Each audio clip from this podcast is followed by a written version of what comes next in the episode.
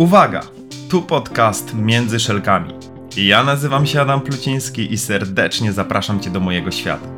To miejsce, w którym usłyszysz o wielu błędach, jakie w ostatnich kilkunastu latach popełniłem w sprzedaży, co kosztowało mnie w sumie ładnych parę milionów. I o tym, jak cały czas uczę się na błędach zarządzać zespołami. Zebrałem doświadczenie z setek firm, osób w nich zarządzających i tysięcy handlowców, z którymi przez większość mojego życia zawodowego miałem przyjemność pracować, wspierając ich w rozwoju. Jeżeli na co dzień zajmujesz się sprzedażą lub zarządzasz zespołem, to ten podcast jest właśnie dla Ciebie. Zapnij pasy, usiądź w fotelu lub połóż się wygodnie i wykorzystaj ten czas, bo to Twój czas na rozwój. Zapraszam Cię serdecznie, Adam Pluciński. Odcinek 15. Stosunek klienta do oferty, a efektywność sprzedaży. Na 15 odcinek musieliście poczekać trochę dłużej. Wynika to z kilku względów, ale na to, na co możecie liczyć, to to, że będzie znowu dzisiaj bardzo merytorycznie. W dzisiejszym odcinku skupimy się na stosunku klienta do naszej oferty. Czy on ma pozytywny, neutralny, obojętny stosunek, czy też negatywny do naszej propozycji. Dlaczego na tych trzech aspektach? Z bardzo prostej przyczyny, bo czasami zastanawiam się, dlaczego tej sprzedaży nie zamykamy, dlaczego mimo wielu stosowanych technik nie możemy tego zrobić. Wynika to z tego, że nie wiemy, jakie klient ma nastawienie. Albo tak naprawdę on już na tym etapie podjął decyzję, że od nas nie kupi. Jak to zrobić? O co warto zapytać i co z tego odcinka warto wynieść? Usłyszysz, droga słuchaczko i drogi słuchaczu, w merytorycznej części odcinka.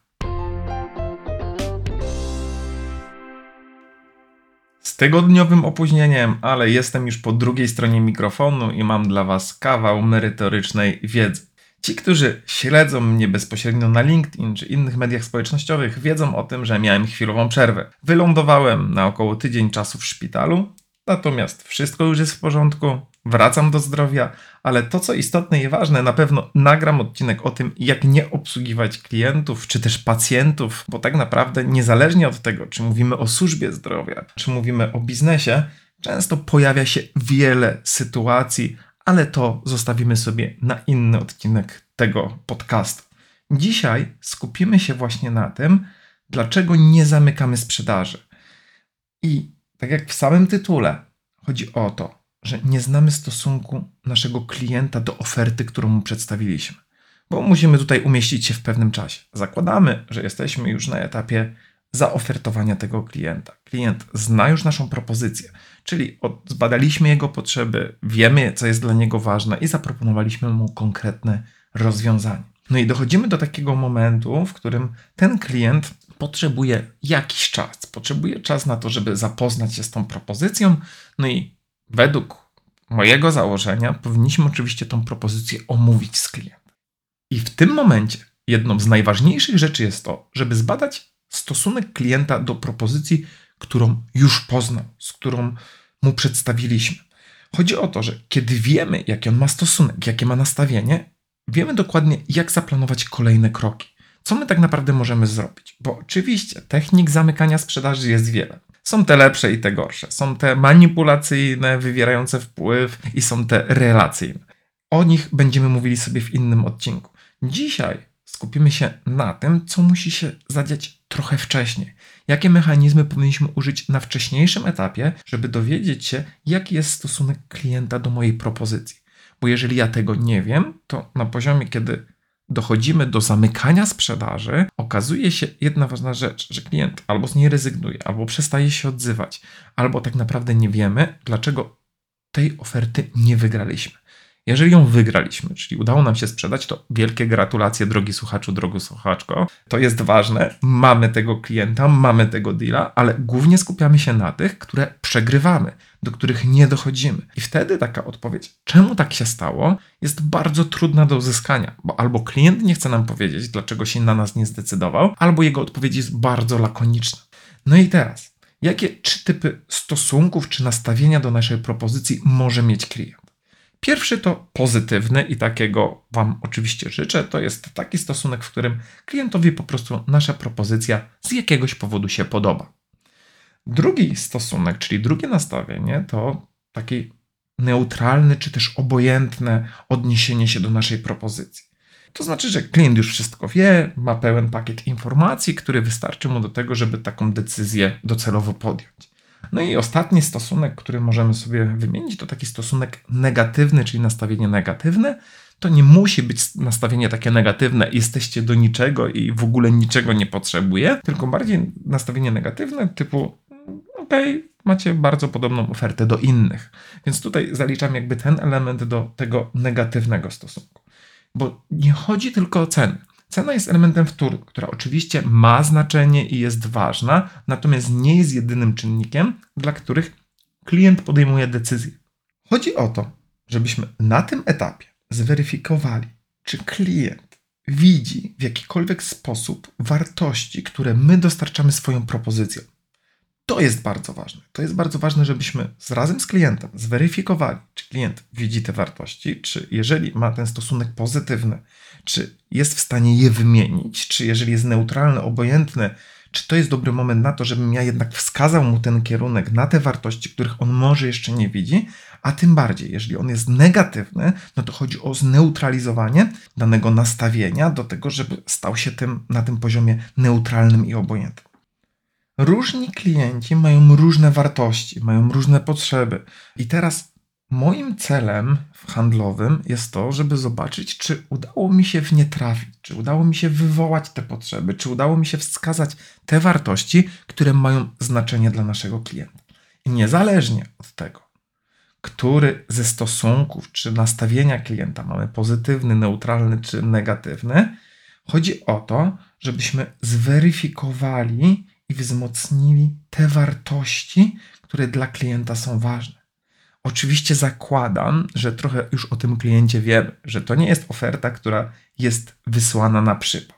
Co możemy zrobić na poszczególnych etapach? Zakładamy, że klient ma pozytywne nastawienie do naszej oferty. Jak to rozpoznamy? Klient mówi: To ciekawa propozycja, to, to interesujące, podoba mi się to podejście.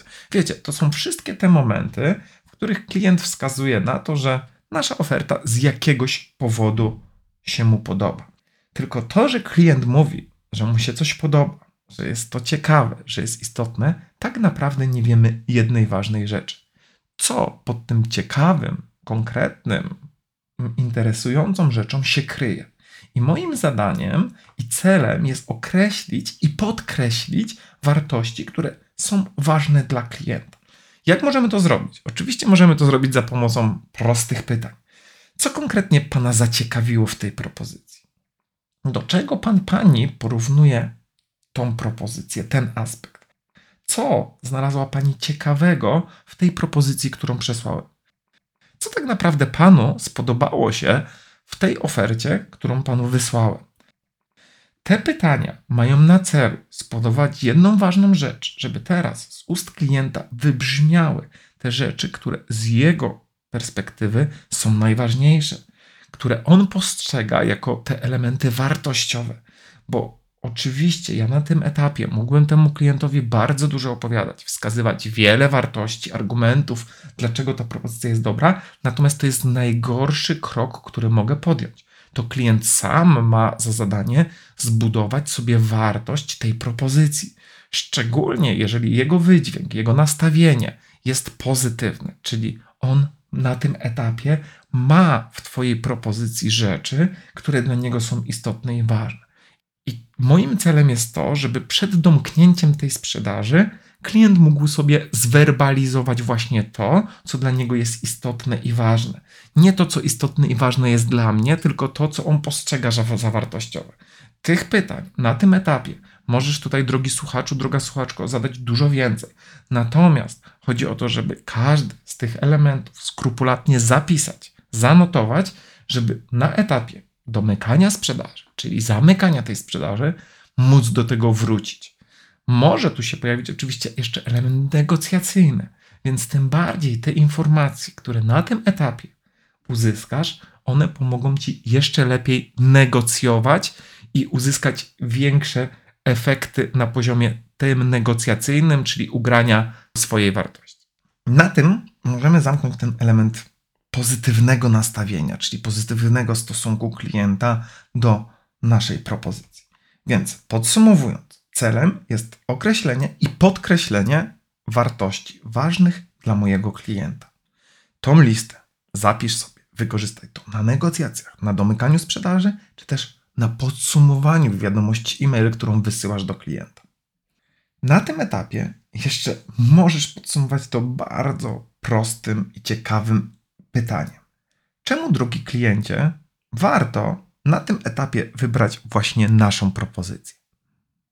Może się okazać, że to jedno pytanie spowoduje to, że klient tak naprawdę sam sobie sprzeda tą propozycję, a ty, drogi handlowcu, droga handlowczy, nie będziesz musiał, musiała nic więcej na tym etapie robić.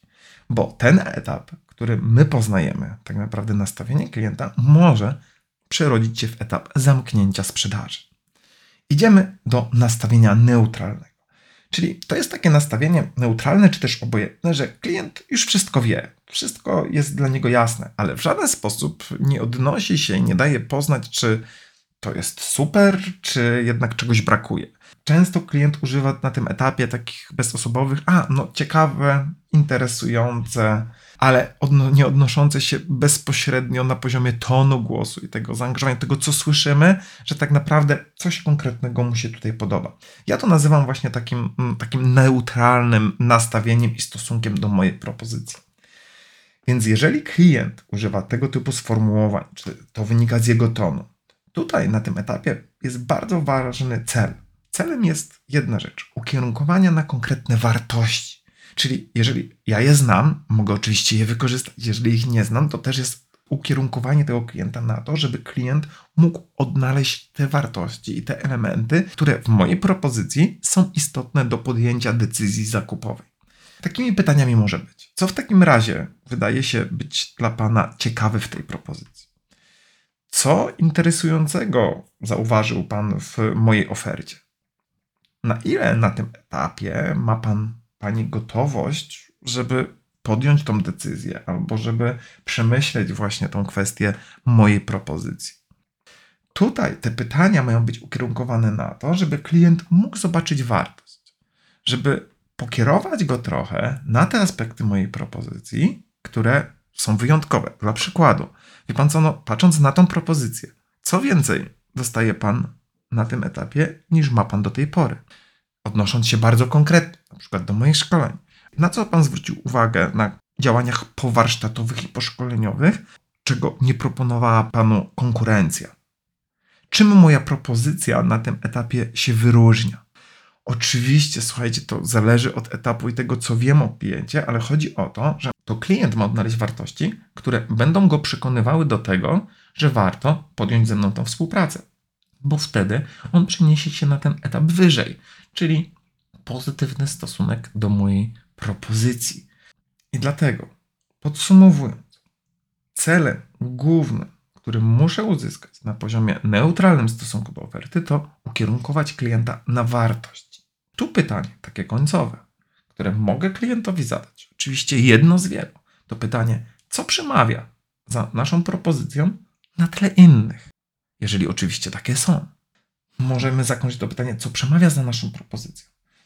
Na co Pan tak naprawdę zwrócił teraz uwagę w tej propozycji, czego nie widział Pan do tej pory?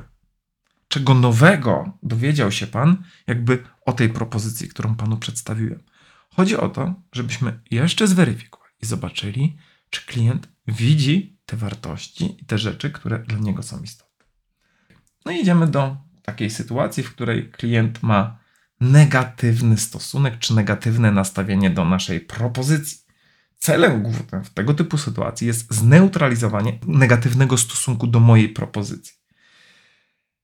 Jak klient pokazuje, że ma negatywne nastawienie. No i tutaj oczywiście może być takie bezpośrednie, wie pan co, nic pan ciekawego tutaj nie zaproponował. W żaden sposób ta propozycja nie odbiega niczym, co mam do tej pory, co zaproponowała konkurencja. Patrząc na pana propozycję, proponuje pan dokładnie to samo. Czyli mamy tutaj ten wydźwięk negatywny. Pokazuje nam klient, że sorry, drogi handlowcu, tak naprawdę nic ciekawego, nic konkretnego w tej propozycji nie ma. I tutaj kwestia jest taka, żebym ja wreszcie zweryfikował, co jest powodem tego, że on nie widzi żadnej różnicy. W jakim sensie mówi Pan o tym, że nie ma tutaj nic ciekawego. Co konkretnie ma Pan na myśli, mówiąc o tym, że w żaden sposób moja propozycja nie odbiega od innej? W jaki sposób porównuje Pan te propozycje? Oczywiście, na tym etapie znajdzie się wielu hejterów, którzy powiedzą: Zmuszasz tego klienta do szukania tych negatywnych sposobów czy tych negatywnych powodów, dla których on nie chce zdecydować się na Twoją propozycję. Tylko jeżeli tego nie zweryfikujesz i nie zobaczysz, co leży temu klientowi na sercu, nie będziesz wiedział, jak masz działać. Czy mogę zadać Ci inne pytania, które będą budowały wartości? Oczywiście, że tak.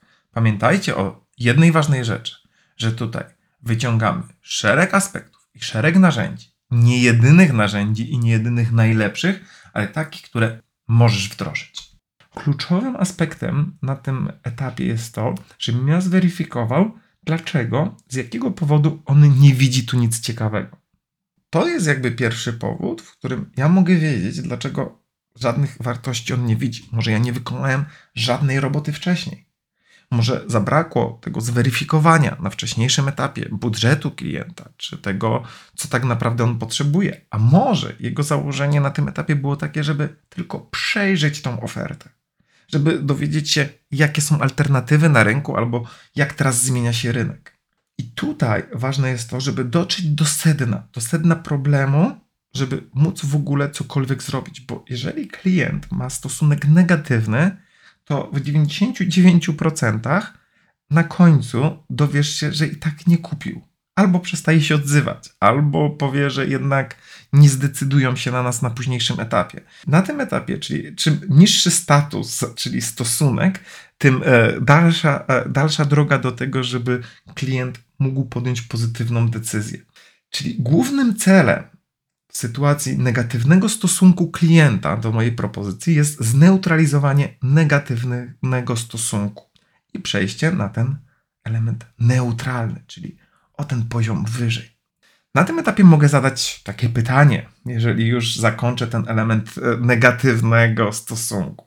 Co udało się Panu zaobserwować? Na co udało się Panu zwrócić uwagę w kontekście różnic, na które wskazałem? Chodzi o to, żeby zobaczyć, czy którakolwiek z tych zabiegów i tych kierunków, którym ja, gdzie ja kierowałem klienta, może pomóc mi w tym, że on przejdzie do tego etapu wyżej. To nie jest oczywiście jedyne rozwiązanie, to nie są jedyne pytania, to nie jest panaceum na wszystko, bo oczywiście ma to być dialog, a nie tylko zadawanie pytań. To chodzi o to, że dlaczego ja kierunkuję te pytania do klienta, a nie próbuję go na tym etapie przekonywać czy podkreślać zajebistość mojej propozycji z bardzo prostej przyczyny, bo chodzi o klienta, to chodzi o jego potrzeby, to chodzi o te wartości, które on widzi i które są dla niego ważne, a nie o to, co mi się wydaje. Jak pewnie zwróciliście uwagę, to są dobre pytania, które weryfikują, czy ja na wcześniejszym etapie zrobiłem dobrą robotę.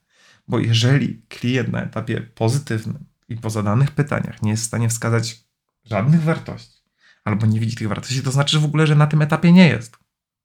Że w złym momencie zadaje te pytania.